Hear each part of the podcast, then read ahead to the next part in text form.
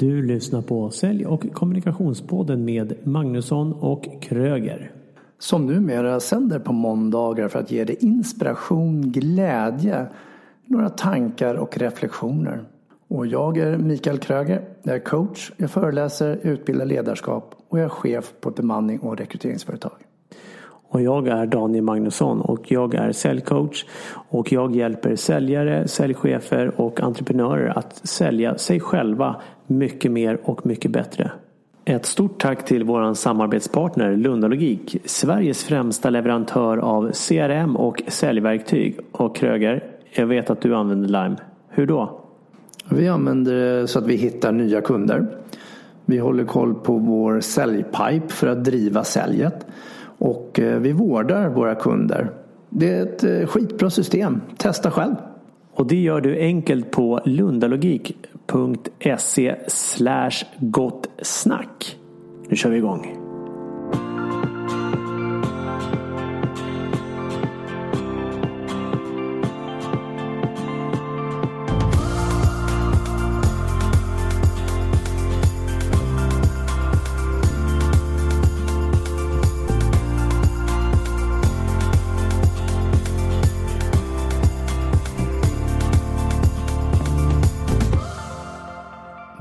Välkomna till avsnitt 45 som kommer handla om Stärk dina affärsrelationer. Jag är Mikael Kröger. Och jag är Daniel Magnusson.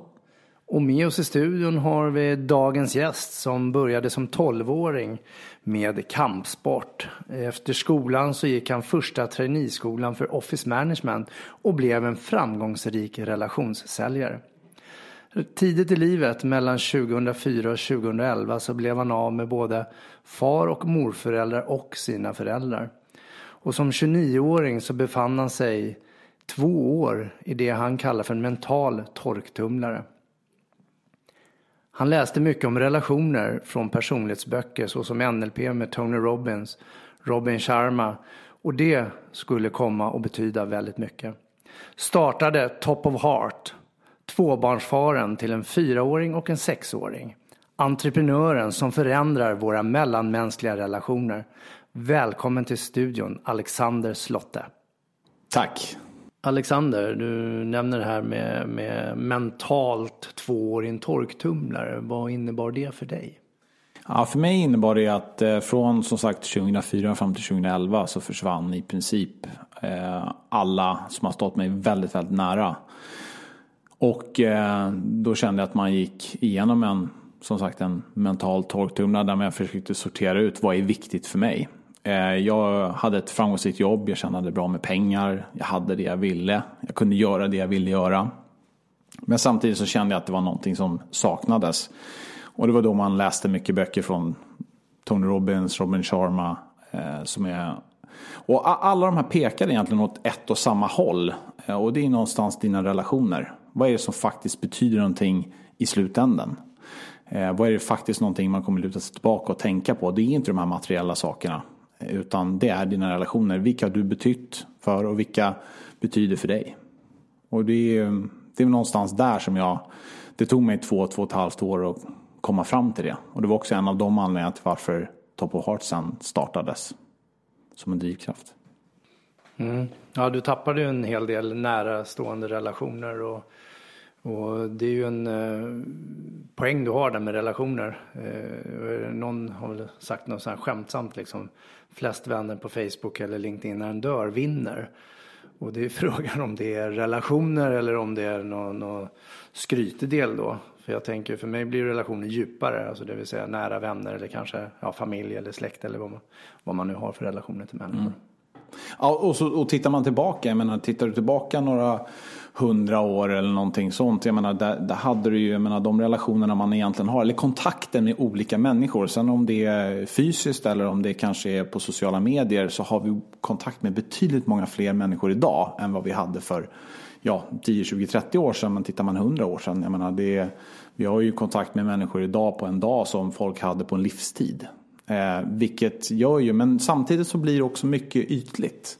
Och frågan är någonstans i slutändan också vad är det som betyder. Så att jag tycker det är, det är en viktig fråga att ställa sig själv. Eh, det här med flest, flest följare eller flest vänner på Facebook, vad är det egentligen? Och vad betyder det egentligen i slutändan? När man stänger ner det där Facebook-kontot. För alla kommer stänga ner sitt Facebook-konto. Vare sig man vill eller inte i slutändan. Ja, jag tänkte på det. Min far gick ju bort precis som din 2004. Och funderade på, eh, han var ju 73 år då, men han var 71 när han slutade jobba. Och han var ju väldigt eh, mycket med relationer och människor och bekanta och hade kul på sitt sätt. Eh, men sen när han väl gick i pension då på riktigt, då hade han inga människor kvar och då försvann relationerna. Och det är min valda sanning att tro att det var det som gjorde att han gick bort på de här två åren sen efteråt, just för han hade inga vardagliga eller mellanmänskliga relationer kvar egentligen. Så att eh, det är klart, de är, de är viktiga. Det kan mycket väl stämma och tittar man i partnerrelationer så finns det ju hur mycket undersökningar som helst som har gjorts på det. Just det här när man saknar den här närheten, hur fort det faktiskt går mellan ja, den ena partnern går bort så är det ju, vi pratar ju några år. Även om man varit ihop under 50, 60, ibland 70 års tid så går det väldigt, väldigt fort när den ena partnern går bort. Ehm. Ja, framförallt om, om du inte har någon annan relation i närheten som kan fylla hål i rummet eller liknande. Eh, jag vet att min mormor levde några år. Men det, det var inte allt för många efter att morfar hade gått bort. Eh, definitivt inte. Och jag tänker att tittar man på hur vikten av relationer så kan man ju titta på just hur, om man tittar på närhet. Så när du berättade det där så tänkte jag på de här, det finns någon film där man ser tvillingar som eh, ja, mår bättre och blir fysiskt bra tack vare att de ligger nära varandra. När någon har varit väldigt svag och så stärks de tack vare närheten. Precis. Så att eh, oxytocinet behöver flöda. Mm. Och det är genom beröring. Eh, och det är också bra. Exakt. Verkligen. Men det är inte beröring du jobbar med annars? Nej, det är inte beröring. Jag hade faktiskt ett eh, bolag tidigare som jobbade med, eh, med hälsa. Med just massage, kost och träning och ergonomi. Men, men det var nog några år sedan. Eh, så att där jobbar man mer med beröring än vad jag gör idag. Idag jobbar jag mycket med affärsrelationer. Riktat på, ja, just utifrån affärens sätt. Och de relationerna man bygger. Både internt i företaget, det vill säga de anställda, men också externt kunder och samarbetspartner som man behöver för att lyckas med sitt företagande. Men är det viktigt då, relationerna? För när du väl har fått in kunden och du har fått in affären, varför ska du då fortsätta hålla relationen? För pengarna har ju kommit in. Än så länge så gör man ju, jag tror absolut det, och än så länge gör man ju affärer med människor. Och så länge man gör eh, affärer med människor så, så kommer vi absolut vilja vårda våra relationer. Och de flesta vill ju ta hand om varandra och se varandra. Mer än bara i själva affären. Så det tror jag, det tror jag absolut. Sen beror det på lite vad det är för typ av affär man, man driver. Eh, om man ska ta någonstans någon skillnad. Det finns ju mer transaktionell typ av försäljning. Prenumerationsförsäljning, alla tidningar eller något liknande sånt. Ja, där kanske man inte behöver en mänsklig input. Men det finns ju fortfarande mer komplexa affärer som byggs mycket på förtroende och där man inte kan se hela affären men där man bygger väldigt mycket på förtroendet för personen och teamet som ska genomföra det.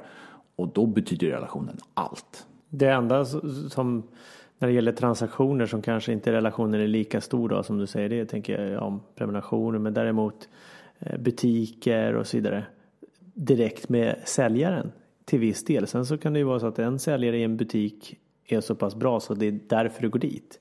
Sen så är det relationer med affärer eller med själva butiken eller liknande också. Och eh, det var så roligt, jag träffade för ett tag sedan eh, träffade en egenföretagare så började kom vi in på det här eh, och jag kom faktiskt in på dig och ditt företag och vad du gör. Och då sa han så här, ja det där är ju intressant sa han. För att när det börjar bli dags för mig att byta bil, då jäklar, då blir jag väldigt populär hos säljaren ett halvår innan. Men däremellan så hör jag ingenting. Det är oftast mycket så. Precis det du är inne på att vi är väldigt duktiga om man ska ta en säljprocess väldigt, väldigt kort. Så är ju vi extremt duktiga som säljare på att ett, bygga en relation som ligger en grund för att få ett förtroende. Men när vi väl har så att säga close affären så blir det någon typ av tomrum fram tills dess att det är dags igen. Alltså man som säljare, och jag menar någonstans så ligger det i naturen, det är klart för mig. Så att jag går vidare på nästa. Men det här jag menar någonstans att det har vi inte råd med idag, att tappa det där. För det är här vi kan fortsätta fånga och hålla igång dialogen. Och de riktigt, riktigt bra säljarna, det är de som faktiskt håller igång. Men då fokuserar man inte på affären på samma sätt. Då fokuserar man mer på relationen. Att komma ihåg kunden för ja, den personen. Mm. Det är billigare att underhålla en kund som vi redan har egentligen än att skapa en ny. Det tar ju längre tid att skapa och bygga relationen. Och så tänker jag på mycket undersökningar som hänvisar till också att vi gör ju affärer med folk vi gillar. Och gillar vi folk då har vi ofta ett förtroende för dem. Annars så blir det ju svårt att göra affären. Ehm, och då tänker jag, du är ju entreprenören som förändrar våra mellanmänskliga relationer. Hur förändrar du dem då? Med ditt företag? Ja, men jag tror återigen tillbaka till den här dimensionen att man inte får tappa de här små sakerna i vardagen. Ta en anställd till exempel. Vi riktar oss väldigt mycket till vd i många fall. Ta en anställd som har jobbat i ett år. Att komma ihåg och uppmärksamma det. Även om det kan vara litet för den enskilda vd. Men för den enskilda anställd är det jätteviktigt att få en recognition om att jag faktiskt har spenderat ett år på det här arbetet. Eller fem år eller de som faktiskt har jobbat kanske tio år. Att verkligen få Eh, känslan av att jag är betydelsefull. Eh, och sen självklart, jag menar folk fyller år. Det händer väldigt mycket i en persons liv. Eh, som jag tror vi liksom inte tar tiden till att uppmärksamma. Folk får barn, folk gifter sig, vi har människor som går bort och så vidare. Och det är ju otroligt känslosamma stunder för en enskilda ta anställd i det här fallet. Eller om det kan vara en kund. Och att kunna vara där och kunna se det och uppmärksamma det. Det är ju faktiskt det som vi människor som gör oss människor på något sätt. Så vad är det ni gör i Top of Heart? Det vi gör det är att vi har en eh, man kan nästan säga lite som en concierge-tjänst. Men där vi hjälper, där vi har vi hjälper vd utifrån två perspektiv, anställda och kunder. Eh, och där man kan vi hjälper till att planera upp, för mycket handlar om planering. När det kommer till att uppmärksamma idag så är det oftast sker det väldigt mycket reaktivt. Vilket gör att man fångar väldigt mycket på volley. Och har du fångat några i organisationen men inte några andra då känns det som att man blir förbisedd. Och det skapar kulturellt, när man ska bygga en kultur blir ju det katastrofala följder. Och det vi gör här är att vi har kontroll och hjälper vdn att understödja. Att jag vill till exempel uppmärksamma alla som har jobbat här i ett år eller tre år eller fem år. Och då ska man få det här, om det är en blomma eller ett handskrivet kort eller om det är någonting. Men det ska ske. Och sen är det ju så här, vi lever ju i en globaliserad värld. Många vd på, på språng. De kanske sitter på ett plan till eh, Malaysia för en affär. Ja, och den enskilda anställda har sin årsdag just den dagen. Då kan man kanske inte fysiskt närvara, men ändå vara där genom att man överräcker någonting. Och det är här vi kan vara den förlängda armen, att ändå vara där och komma ihåg de här viktiga stunderna. Så jag matar in diverse uppgifter i något form av system som ni har då. Det kan vara årsdag, födelsedag, vad det nu är för någonting. Och sedan håller ni reda på det och, skickar ut det som jag vill att ni ska skicka ut. Och brev eller blommor eller choklad eller någonting Ja, sånt. precis, precis. Och samma, få idéer, få det här. För jag menar, annars blir det oftast ganska generiskt. Alla vi som har jobbat på ett bolag av lite större dignitet känner ju till det här klassiska jul. Jag menar, du får något presentkort. Och sen ska du gå och välja din eh, lax eller välja dina SF-biljetter vad det än må vara. Inget fel på det. Men när man har fått det sju år i rad då, då blir det en känsla av att det här gör man för att man ska göra inte för att man egentligen vill det och inte för att man egentligen bryr sig utan för att det bara ska ske. Och då tappar man liksom själva poängen med det. Och nu la du in en aspekt om jag inte är närvarande så, så funkar det ändå och sköts. Eh, och ni sköter utskick och det. Men jag tänkte, Facebook är ju en väldigt bra uppfinning. Eh, de talar ju om när folk fyller år och, mm. och, om inte annat så är folk också snabba att lägga upp så här, men nu har jag gift mig eller nu har vi förlovat oss. det, det, det händer ju ganska mycket där och då kan jag skicka iväg den här tummen upp och tänka att då, då har jag bidragit med min del till. Och, och vad, vad, tycker du om den biten då? Ja men alltså, jag tycker att det är väl, eh, alltså återigen vi har så otroligt mycket kontakter idag. Vi har väldigt mycket kontakter. Och det är ju svårt att man, man kan inte underhålla alla, man kan inte vara all, överallt. Och det är inte tanken heller med vår tjänst. Vår tjänst är inte tanken att du ska fånga alla kunder eller alla sådär. Utan det är ju att du kan välja ut ett visst antal men där du faktiskt gör någonting aktivt. Eh, och Facebook bidrar med bra, du kommer ihåg. Men det skillnaden där det är ju att du, ja, du kan få ett, kanske ett like eller du kan skicka en kommentar och förhoppningsvis gör du samma dag. I värsta fall är du ja, nummer två på bollen så är det dagen efter. Eller, ja, och då är det inte lika roligt. Eh, sen kanske man vill agera lite mer om det då är en anställd eller om det då är din närmsta eh, samarbetspartner eller leverantör. Då kanske man vill göra någonting mer om någon fyller 50. Då kanske inte en like på Facebook verkligen visar att jag bryr mig. Så jag skulle kunna lägga upp ehm, Daniel här då, min poddkollega i ert system.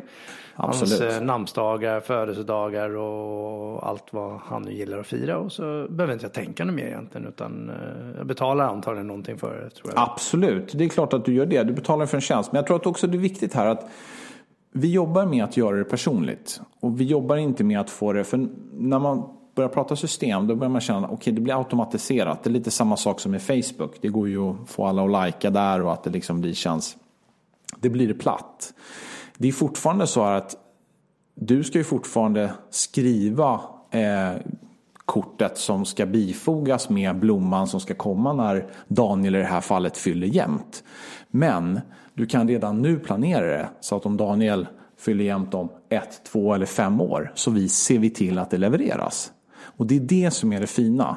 Så att man har den planeringen. Istället för att det blir ett reaktivt beteende så blir det ett proaktivt beteende. Och det gör att man blir lite mer trygg i det. Och det är det det handlar om. Det handlar egentligen om att vi tar bort ganska mycket av friktionen av att utföra det. För det är oftast där problemet ligger.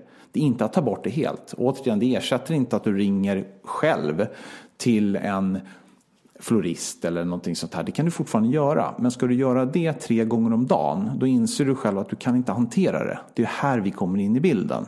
Vi gör egentligen det som du själv skulle ha gjort i övrigt. Eh, men att vi har en bättre koll helt enkelt. En servicetjänst. Ja, precis. Och då tänker jag så här, eh, lägger in allting och så vidare. Och så har vi ju eh, CRM-system. Mm. Till exempel då Lundalogik. Ja, det är ett bra system by ja. the way. Jag har provat det. Ersätter det här det eller är det komplement eller hur ser du på det? Nej, jag skulle se som att det är ett komplement. Det är absolut ingen ersättning utan vi jobbar ju på eh, på en liten annat plan. Jag menar, det, det här handlar mycket om genomförande. Eh, alltså när vi sänder ut någonting fysiskt. Ett CRM-system är ju klockrent för att föra en affärsprocess i komma ihåg påminnelser på aktiviteter och så vidare. Och fram tills dess så är det ju ett jättebra verktyg. Men sen kommer man till en genomförandefas. Man ska skicka en blombukett till Singapore för där sitter din viktigaste kund. Helt plötsligt så ökar komplexiteten här. Det är där vi kan vara med som en partner och kliva in och göra det så att säga. Så förutom att ha koll så är vi också med i genomförandet. Och som sagt, det är oftast där det faller. Så att snarare som ett komplement och om man jobbar aktivt med sina absolut viktigaste kunder eller ambassadörer, då är vi ett bra komplement till det. Och sen driver man övriga affärer så att säga. Det ska man ju driva som vanligt i ett CRM-system.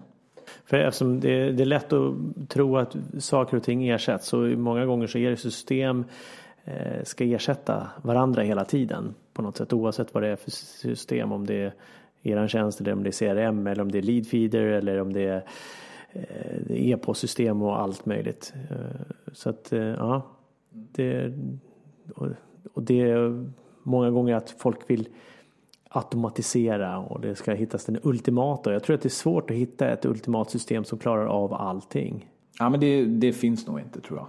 Um, det lever olika öar och, och, så. Jag tror att mer och mer går det mot att det är bra nischade system. Sen ska ju de prata med varandra till ett visst plan. Det tror jag är viktigt.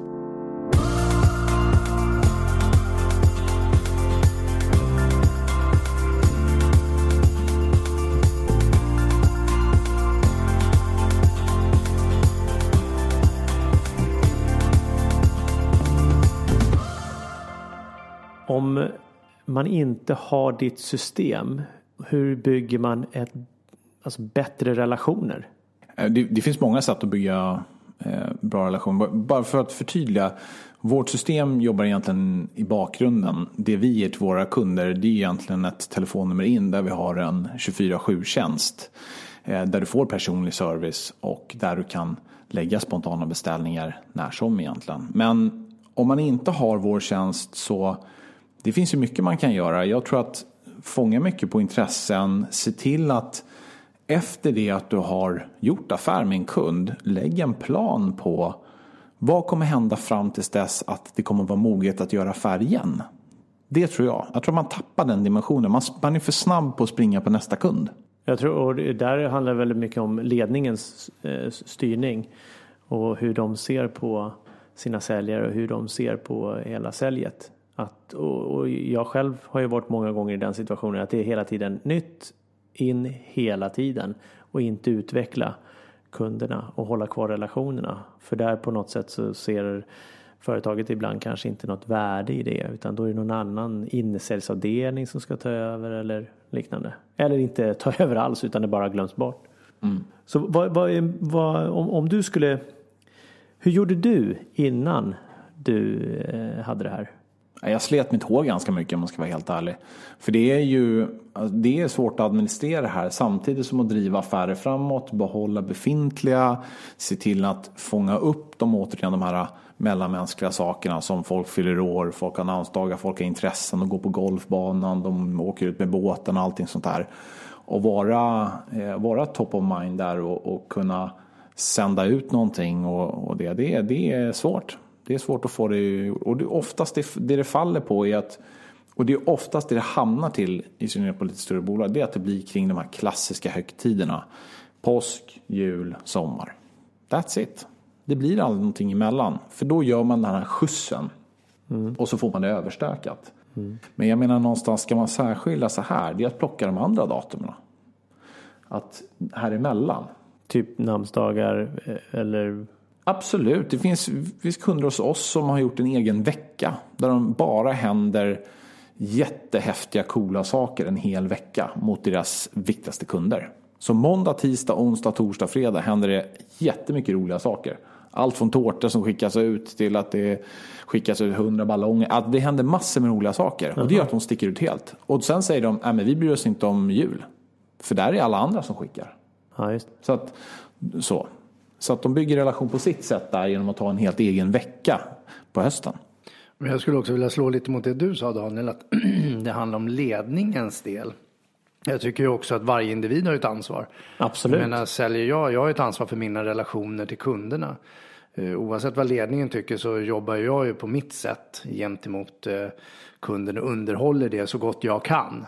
Det som konkurrerar i dagsläget det är framförallt tiden vi är oerhört uppkopplade, inte bara sociala medier men intryck och det är många megabit eh, information vi tar in eh, varje dag. Eh, så det är konkurrens om tiden egentligen och där, där återgår också det eget ansvar. Så inte bara skylla på ledningen Daniel utan du får faktiskt ta ett eget ansvar också och underhålla dina kunder. Såklart. Sitter du och ler åt? Där fick du! Ja, men mycket eget ansvar, men jag tror att det är en kombination av er båda om man nu ska eh, bryta in här emellan er. Eh, både ledningen och ett eget ansvar så tror jag att det är en kombination av båda. För jag tror att återigen, har man ingen struktur på det här, är man inte tydlig med vad vi som bolag står för, vad våra policies är, vad vi vill göra, vad, hur vi vill ses hos våra kunder, på vilket sätt vi vill se. Jag menar, då blir det otydligt. Och då blir det lite så att säljaren gör på sitt eget bevåg och då blir det lite hejkon pejkon och då kan man komma också i situationer där ja, du kanske ger personer helt för dyra saker och det kanske blir sådana saker som blir ja, mot offentlig sektor eller mot privata börsbolag. Alltså där, som har en större, ja, det rent av kan komma in i mut, mutsvängen.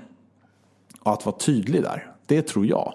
För jag tror att är man då tydlig från ledning att man har strikta sådana här saker, jag menar då, då håller man sig på rätt sida av lagen. För det är precis det man kommer in nu när man pratar gåvor, man pratar sånt här, så blir många, många blir rädda.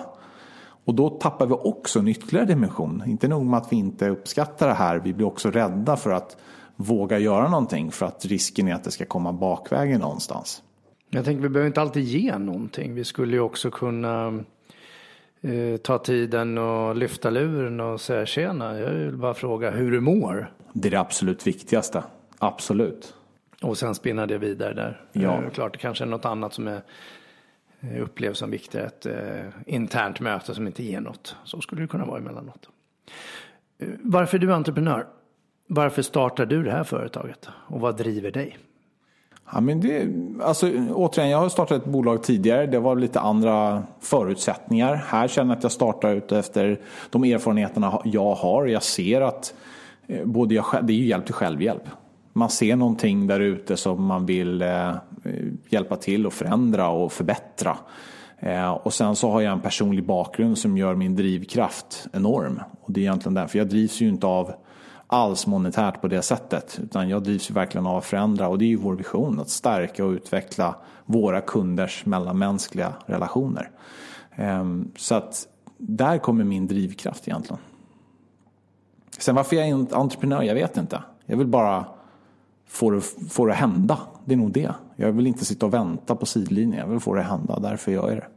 Hörde du att han sa jag vet inte? Och jag var precis på väg fram till micken och säga jag vet att du inte vet men om du visste. Och ändå så svarade han. Ja, Det är spännande, eller hur? ja, jag, jag såg det. Och då tänker jag så här, så vad är det i din bakgrund som ger dig drivkraft? Ja, bra fråga du. Det var en bra fråga. Ja, men alltså, erfarenheter, absolut. Mina erfarenheter och vad jag tycker är viktigt. Det är ju det som är mina drivkrafter. Återigen, många av mina relationer, nära relationer försvann väldigt snabbt. Jag insåg att livet är extremt kort. Och det gjorde jag väldigt tidigt i livet. Innan jag var 30 så förstod jag att det här är extremt begränsat om tid jag har på den här jorden. Man går i, sett till jordens liksom 4,5 miljarder år så är det ju, det är knappt en blinkning, så är man borta. Och det vill jag göra absolut det mesta utav. Och det är intressant det du säger, en stor rädsla jag har. Det finns egentligen bara en rädsla. För många som frågar mig som entreprenör, är du inte rädd för någonting, ska jag misslyckas med bolaget, gå i konkurs och allt möjligt sådär. Nej. Jag har en stor rädsla, det är att inte bli ihågkommen av mina barn. Det är min absolut största rädsla. I övrigt är jag inte rädd. Ja, det är klart, jag är ju självbevarelsedrift. Jag går inte på höga höjder om jag inte behöver eller, eller sådär. Men jag menar, ni förstår vad jag menar utan, utan så. Um. Samvetsfråga då. Eh, dina barn och eh, din fru, ligger de i ditt system så att du har full koll på namnsdagar, årsdagar och, och annat sådant? Jag får faktiskt den frågan ganska ofta. Kan jag lägga in min fru här också så att jag missar? Alla, alla män jag pitchar den här idén för ser det framför sig direkt. Och det är klart att jag tycker att det finns ett värde i det för att komplettera men inte ersätta. Väldigt viktigt. Det är ett värde att komplettera men inte ersätta. Ta ett exempel. Skicka röda rosor på årsdagen till din frus jobb. Satsa på att gå hem och fixa till middagen eller boka upp restaurangen istället. För båda de sakerna samtidigt kan bli kanske lite kärvt med barnlämning och allt möjligt däremellan som ska ske för att kunna ha den här dagen. Där kommer vi emellan, så absolut. Men nu är ju vårt fokus affärsrelationer och inte kanske just de privata relationerna som vi riktar oss mot. Så frågan kvarstår ju, är din fru och dina barn med i ditt system? Hos Jag dig? försöker ju glida runt den här frågan. Nej, de är inte med i mitt system. Det är de inte. Och sen är vi väldigt könsneutrala. Vi pratar mycket om hen och vi väljer att prata om partner. Så att eh, Ja. vi eh, bloopar eventuella misstag där och eh, helt enkelt bara säger det går att skicka rosor till alla människor. Absolut. Entreprenör, bygga företag. Och nu har ni hållit på snart två år med det här bolaget. Vad händer framåt för dig då? Ja, men nu gäller det att få bolaget att eh, växa. Jag menar de första ett och ett halvt till två åren då är det ju bara springa från ritbordet ut till kunderna, prata med kunderna eh, och tillbaka igen. Och det, man, det får man göra en fyra, fem, sex gånger innan det sitter. Och nu känner vi att nu börjar det sitta. Nu börjar vi få en tjänst som tilltalar eh, vår målgrupp på ett bra sätt. Så nu handlar det egentligen om att börja skala. För nu ser vi att nu kommer kunderna in och kunderna gillar tjänsten. Den är lätt, den är lättförståelig och den gör verklig nytta. Så det du säger egentligen det är att, att eh, idogt arbete, alltså vara uthållig, orka jobba med eh, kunden under längre tid och skapa relationer. Jag hörde dig säga att du kan springa ut till kunderna fyra, fem, sex gånger och sen kan det eventuellt bli en affär. Och det där är ju en vettig tanke för det är ju en del säljare kan ju tröttna en gång ett nej, det här var nog ingenting, jag skiter i den där kunden. Ibland ja, kan men absolut, jag håller med. Jag håller med. Och jag tror man måste tänka som en entreprenör där som säljare att även om du har en tjänst så kanske du inte har presenterat den på rätt sätt eller du har inte fått fram det. Återigen, kommunikationen gick inte den vägen på något sätt. Det är alltid, det är alltid sändaren någonstans. Eh, eller det är ju alltid på mottagarens villkor men sändaren kan ju ändra sin eh, kanal. Och det kanske man inte gjorde den gången. Så det kanske tar ett par gånger innan man verkligen gör. Så jag tror att, som du är inne på, man måste som säljare tänka mycket som en entreprenör. Och ja, någonstans är ju försäljning precis som i coaching. Vi pratar om relation eller rapport, att mm. få den här relationen för att vi ska kunna arbeta tillsammans och utvecklas. Och det är väl precis vad försäljning handlar om. Exakt. Så sluta skyll på ledning, sluta gnäll på att du inte har, du har fel leads, du har fel kunder. Börja prata med dem, skapa relationer.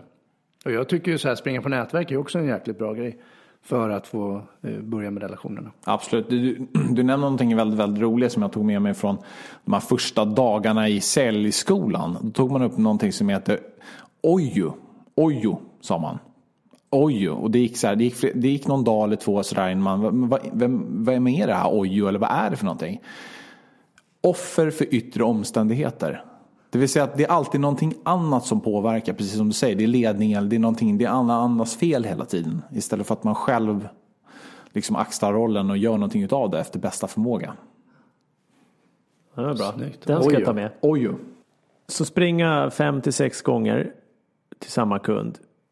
Hur, hur återupptar du en kontakt när du kanske har träffat en kund, du har haft ett möte, nej det är inte intressant. Hur återkopplar du? Har du några bra tips där?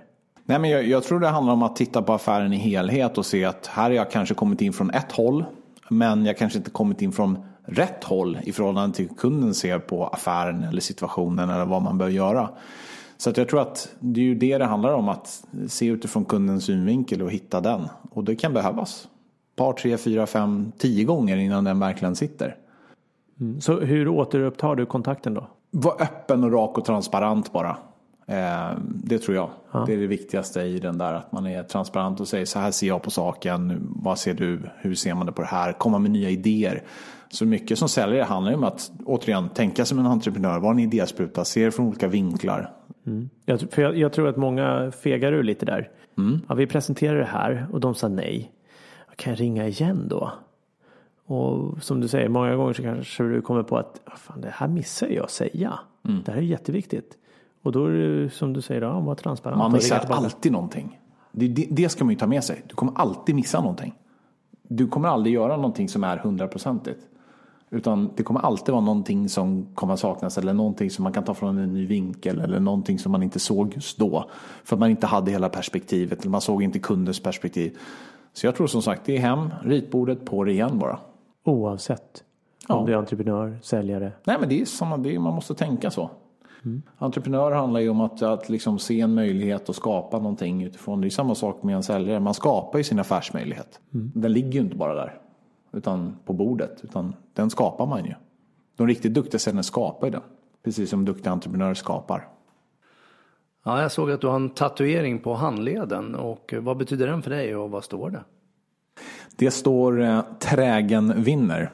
Eh, och det är väl något sådär motto som har följt med mig egentligen från det jag började med försäljning faktiskt. Just att fortsätta, fortsätta, fortsätta hur mycket motvind du än får. Och sen har ju det avspeglat också i livet. Hur mycket motvind du än får, att på det igen. Eh, för förr eller senare så kommer det komma, så kommer det ljusna. Så den följer med. Då kan man titta ner på handleden ibland när man känner att det går, eh, går trögt. Och, och, ja, det är ett motto som har följt med mig. Du nämnde i början att eh, många böcker inspirerade dig. Om du skulle ge tips på en riktigt bra bok som verkligen har betytt mycket för dig? Mm. Det finns eh, flera böcker men eh, jag ska säga både Robin Sharma, Munken som sålde sin Ferrari och Vem gråter vid din grav. Den har några perspektiv utifrån livet som, som bringar mig väldigt mycket. Eh, och om jag får ta den sista, de här sista minuterna vi har tillsammans här så tar de upp ett perspektiv just ifrån din egen begravning. Vilka kommer komma på din begravning? Och vad kommer de säga om dig? Det är ett sånt här omvänt sätt att se på livet när man stegar igenom livets svåra eh, stunder och, och även ljusa stunder. Men liksom vad vill man vara?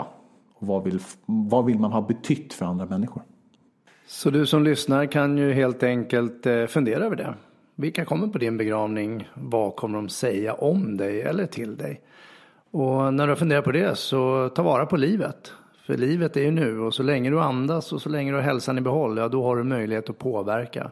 Så se till att skapa dina mellanmänskliga relationer till människor som du vill ha relationer med. Det får bli mitt slutord. Ha en fantastisk vecka och tack så mycket Alexander för att du kom och gästade här. Tack så jättemycket.